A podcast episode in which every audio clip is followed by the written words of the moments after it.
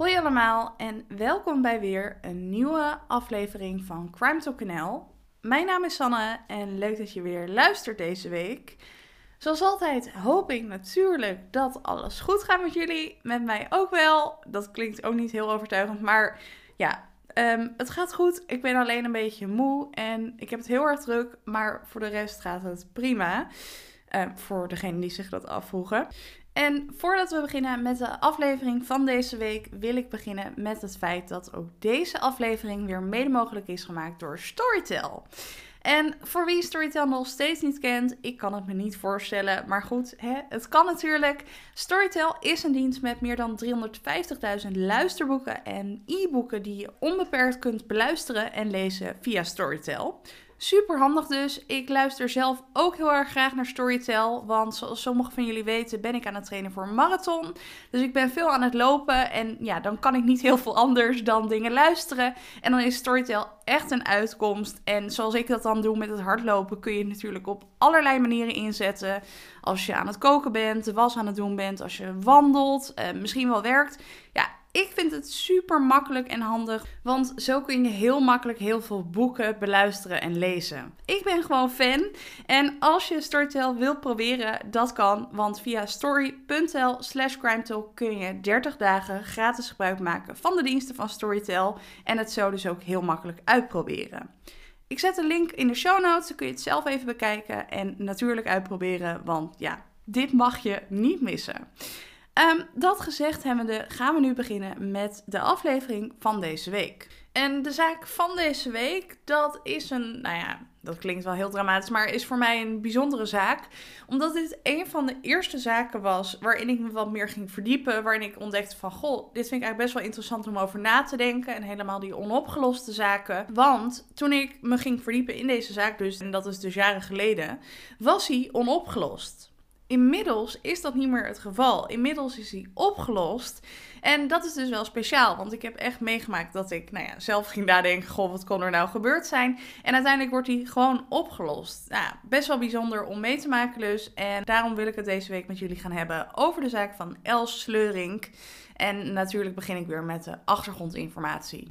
We gaan het dus hebben over Els Sleurink. En Els was in maart 1997, toen zich dit allemaal afspeelde, een vrouw van 33 jaar oud. En eigenlijk was ze dus nog vrij jong.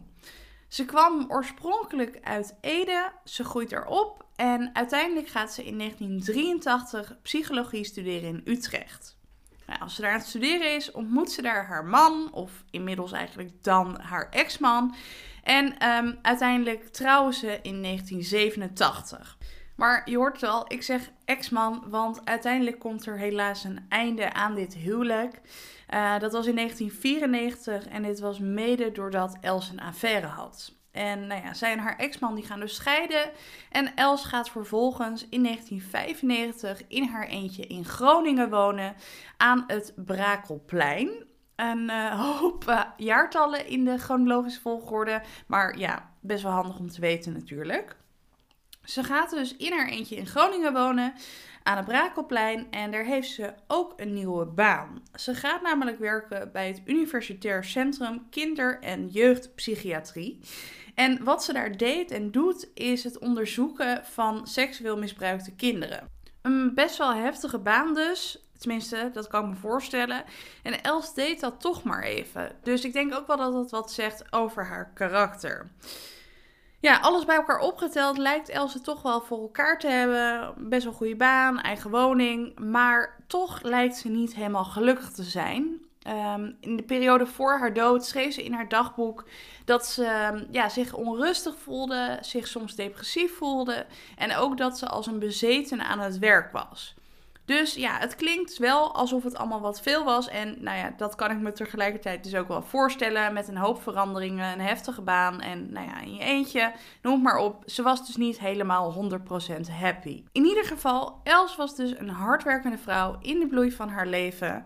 En dopte prima haar eigen boontjes. Maar dan gaat het gruwelijk mis. Want het is dan 21 maart 1997 en Els moest die dag gewoon werken.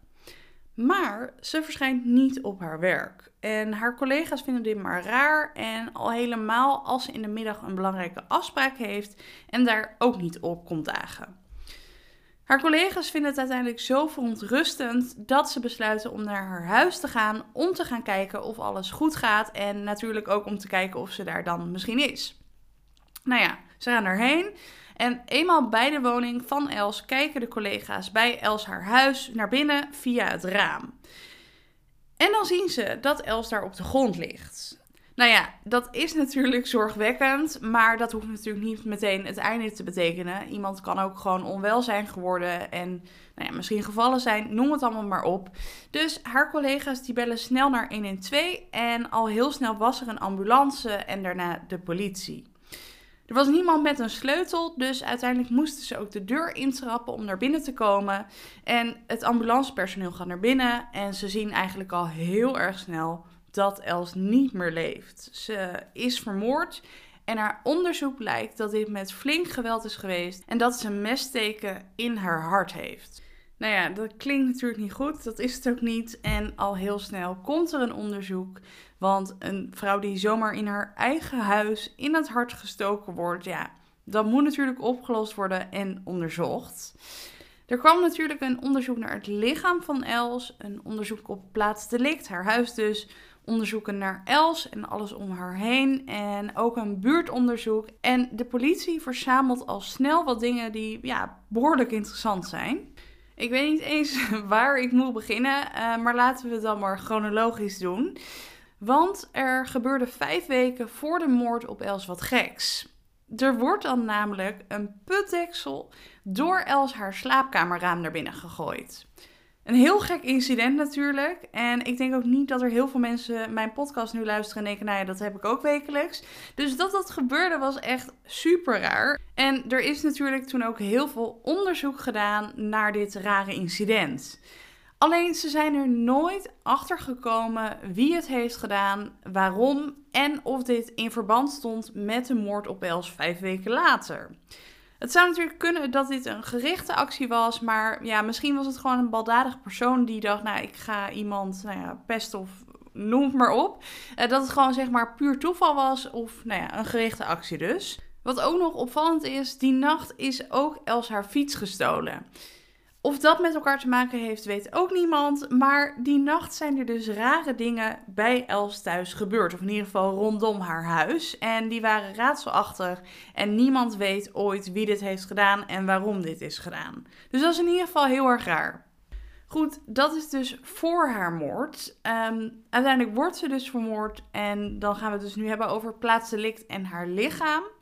Want allereerst werd er een mannelijk DNA-spoor aangetroffen onder de nagel van Els.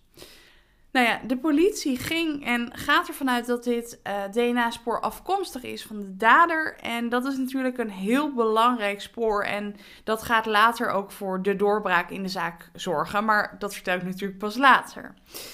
Um, verder werden er namelijk nog meer dingen gevonden, namelijk schoenafdrukken in de tuin van Els. De afdrukken van deze schoenen zijn toen heel goed en grondig onderzocht.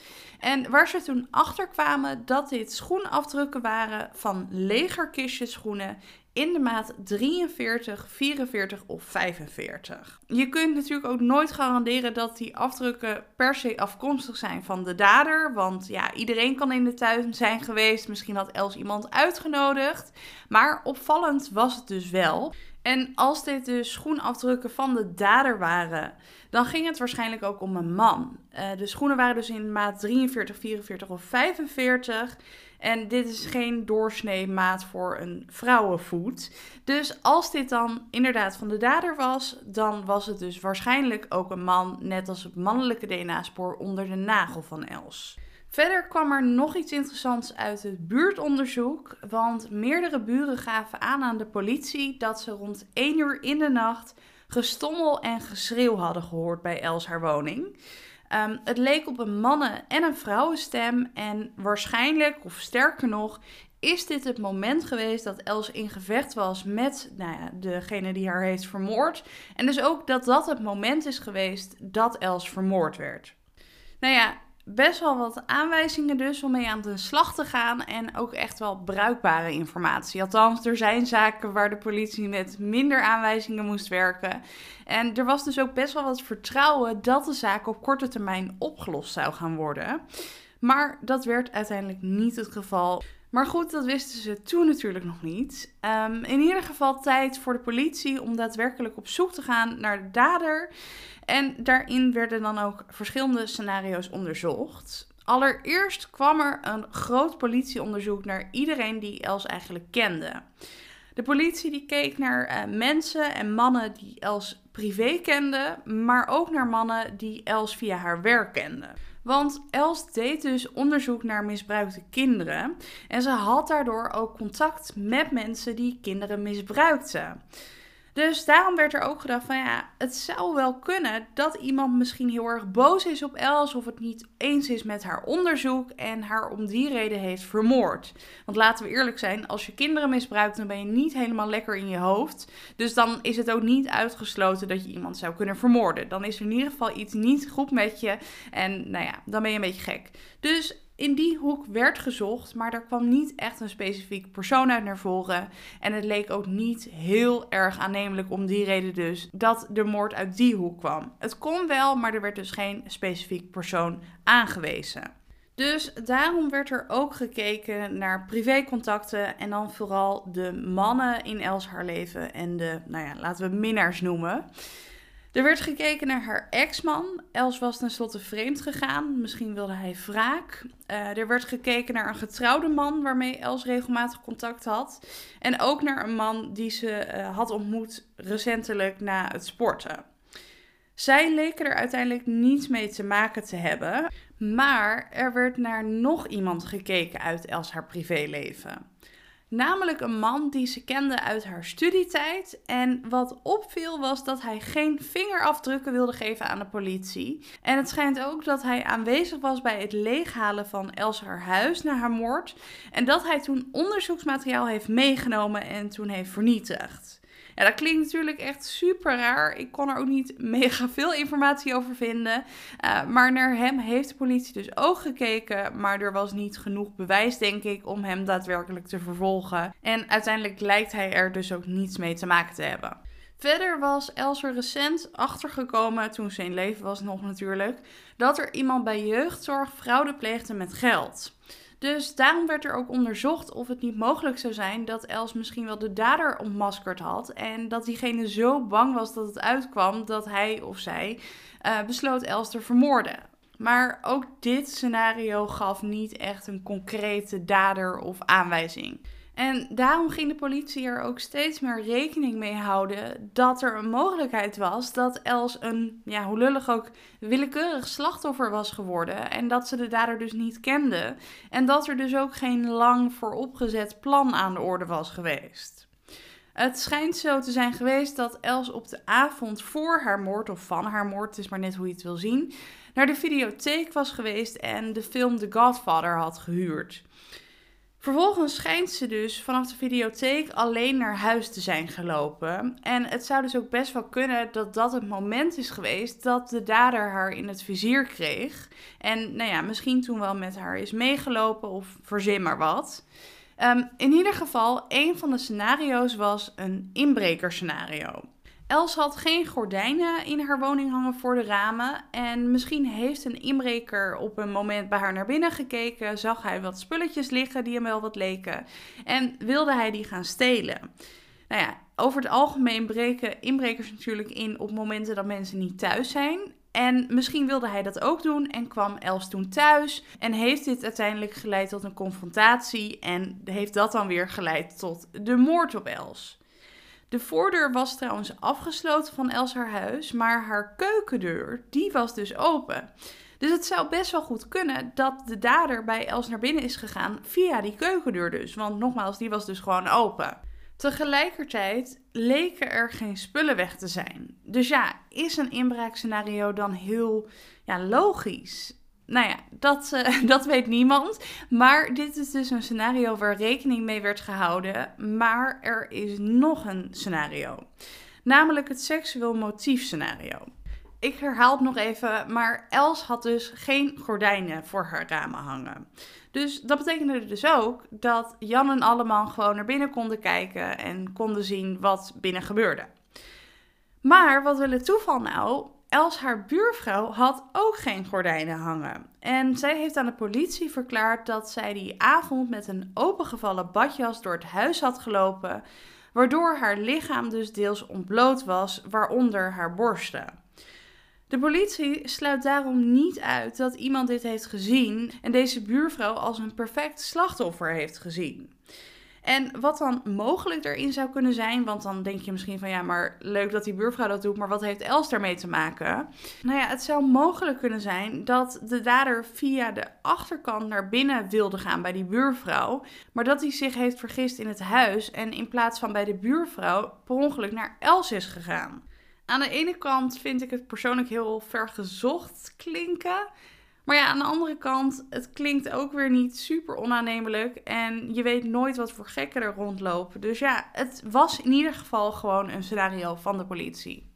Een uh, hoop scenario's dus en een hoop mogelijkheden, maar toch loopt het onderzoek uiteindelijk vast. Uh, er worden wel wat mannen onderzocht, concreet eigenlijk ook, maar toch lijkt er daarna geen schot meer in de zaak te zitten. En de zaak van Els wordt uiteindelijk een cold case. En dat was dus niet omdat niemand er meer zin in had, maar er was gewoon niets meer te onderzoeken behalve de dingen die er bekend waren. Maar verder had het gewoon niet meer zoveel zin, helaas, om nog verder allerlei onderzoeken te doen. Want het bracht het onderzoek niet verder. De dader leek dus onvindbaar, net als het moordwapen overigens, want dat werd dus nooit gevonden. Uiteindelijk belandde de zaak dus op de stapel van de onopgeloste zaken, waarvan er toch nog hoop was dat ze opgelost zouden worden, maar waarmee ze op dat moment niet zoveel konden. Uiteindelijk komt de zaak van Els nog op de cold case kalender, maar uiteindelijk levert dat ook weer niets op en is het weer stil.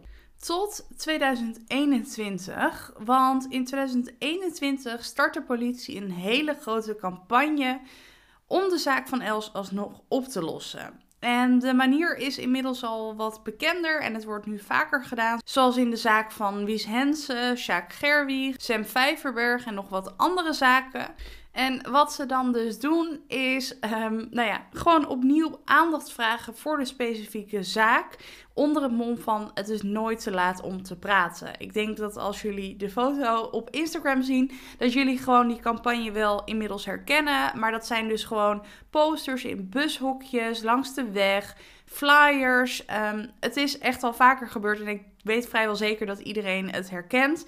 En dat werd dus ook gedaan in de zaak van Els. Sterker nog, als ik het me goed herinner, was dit de eerste zaak die op die manier werd aangepakt. In ieder geval, de politie hoopte dus dat op deze manier er toch mensen naar voren gingen komen om te vertellen over de zaak van Els. En ja, ineens is er dan een doorbraak. En hoe de politie nou precies aan deze man is gekomen, is onbekend. Maar uiteindelijk wordt er in 2021 iemand aangehouden. En dat is, pak me niet op de uitspraak alsjeblieft, maar dat is Jahangir A. En hij scheen al eerder in het dossier van Els naar voren te zijn gekomen. En daarnaast was hij een bekende van de politie ten tijde van de moord op Els. Destijds, dus rond de tijd van Els haar moord, was hij in de 20 en zwierf hij eigenlijk altijd door Groningen heen. En zijn DNA schijnt in de database van de politie te hebben gezeten. En zodoende hebben ze een match kunnen vinden met het DNA dat onder de nagel van Els zat. Ja, kan hier die ontkent alle betrokkenheid uh, nog steeds. En hij zegt dat hij denkt dat de reden voor zijn DNA onder de nagel van Els is vanwege zijn werk. Hij was bezorger en hij denkt dus eigenlijk dat via via dan zijn DNA onder haar nagel is gekomen. Ja, dat klinkt natuurlijk niet heel geloofwaardig en zo oordeelde de rechter ook. En uit verschillende onderzoeken bleek dat Els hem waarschijnlijk heeft gekrapt toen hij haar waarschijnlijk met een mes in het hart stak. Dus dat zou dan de reden zijn waarom zijn DNA onder haar nagel zat. Daarnaast achter rechtbank wettig en overtuigend bewezen dat hij Els opzettelijk heeft gestoken en van het leven heeft beroofd. En hij kreeg hier uiteindelijk een celstraf voor van 10 jaar. Wat in mijn uh, ogen en oren best klinkt als een lage straf. Maar goed, uh, blijkbaar was het een gepaste straf. En ja, is dat wat het is? Want hij heeft dus uiteindelijk 10 jaar cel gekregen voor het vermoorden van Els. En zo zie je maar, ook na 25 jaar kan een zaak nog opgelost worden. 25 jaar. Persoonlijk vind ik het dus ook echt heel bijzonder dat ik deze zaak dus heb gevolgd vanaf het moment dat hij niet opgelost was en nu dus wel. Ja, dat geeft gewoon echt hoop over onopgeloste zaken. Ik bedoel, ik doe heel veel onopgeloste zaken waar niet iedereen om staat te springen altijd. Maar hoe tof is dit? Dat je gewoon mee kan maken dat een zaak toch nog opgelost wordt. Ja, misschien ligt het aan mij, maar ik vind dat echt heel erg bijzonder. Um, helaas weten we eigenlijk dus nog steeds niet waarom Els daadwerkelijk vermoord is, aangezien de dader te laf is om te praten. Maar goed, hij zit in ieder geval achter slot en grendel en zit lekker opgeborgen. En nou ja, laten we dan maar hopen dat hij heel veel karma krijgt voor wat hij Els heeft aangedaan. Um, ja, dat was dan eigenlijk ook wat ik jullie kon vertellen over de zaak van Els Sleuring. Uh, voordat jullie gaan heb ik nog wel een kijk, luister, leestip voor jullie. En deze week heb ik natuurlijk weer een luistertip voor jullie in de vorm van een podcast. En het gaat dan om de podcast De Verdwenen SS'er, gemaakt door Kamp Amersfoort. Um, misschien heb je al een vermoeden waarover het gaat, maar in principe is het een podcast die op zoek gaat naar de verdwenen SS'er. Er is namelijk een verdwenen SS'er die uh, eigenlijk na de oorlog, de Tweede Wereldoorlog dus, uit beeld is geraakt. En eigenlijk weet niemand wat er met hem gebeurd is, waar hij is, of hij vervolgd is of niet. Noem het allemaal maar op. En um, ja, het klinkt misschien niet super true crime of niet per se in de vorm van iemand is vermoord en de podcast gaat op zoek naar de dader. Maar ja, dit is natuurlijk ook behoorlijke crime als jij een oorlogsmisdadiger bent en daar misschien wel mee weg bent gekomen. Um, ik had hem zelf meerdere keren getipt gekregen van jullie als luisteraars. En in eerste instantie dacht ik van, nou ja, ik vind het wel interessant klinken, maar ik weet niet of dat per se mijn soort podcast is. Maar hij heeft me super aangenaam verrast. Ik vond hem zo interessant. En ik ben nu ook weer helemaal into de Tweede Wereldoorlog. En ik wil ook naar het museum toe, uh, waardoor deze podcast dus is gemaakt. Um, dus echt een absolute aanrader. En ook dus als jij iemand bent die niet per se heel erg geïnteresseerd is in geschiedenis, denk ik dat dit eigenlijk ook heel erg interessant is. Dus ga hem gewoon luisteren. Um, hij is volgens mij zes afleveringen, dus je bent er ook niet jaren aan kwijt als je het probeert. En ja, nogmaals, ik vond hem echt heel erg interessant. En ik heb er privé ook verschillende mensen over verteld, dus ik vind het echt heel interessant. Um, in ieder geval, dat is dus mijn luistertip van deze week. Um, dan zijn we eigenlijk aangekomen bij het einde van deze aflevering. Beeldmateriaal zet ik natuurlijk op Instagram, het CrimeTalkNL. Um, volgende week ben ik er weer met een nieuwe zaak. Voor nu gewoon heel erg bedankt voor het luisteren. Volgende week. Oké, deze ga ik er niet uitknippen. Uh, in ieder geval dus alvast bedankt voor het luisteren volgende week. Maar natuurlijk ook voor deze week. Uh, ik wens jullie een hele fijne week toe en tot horens.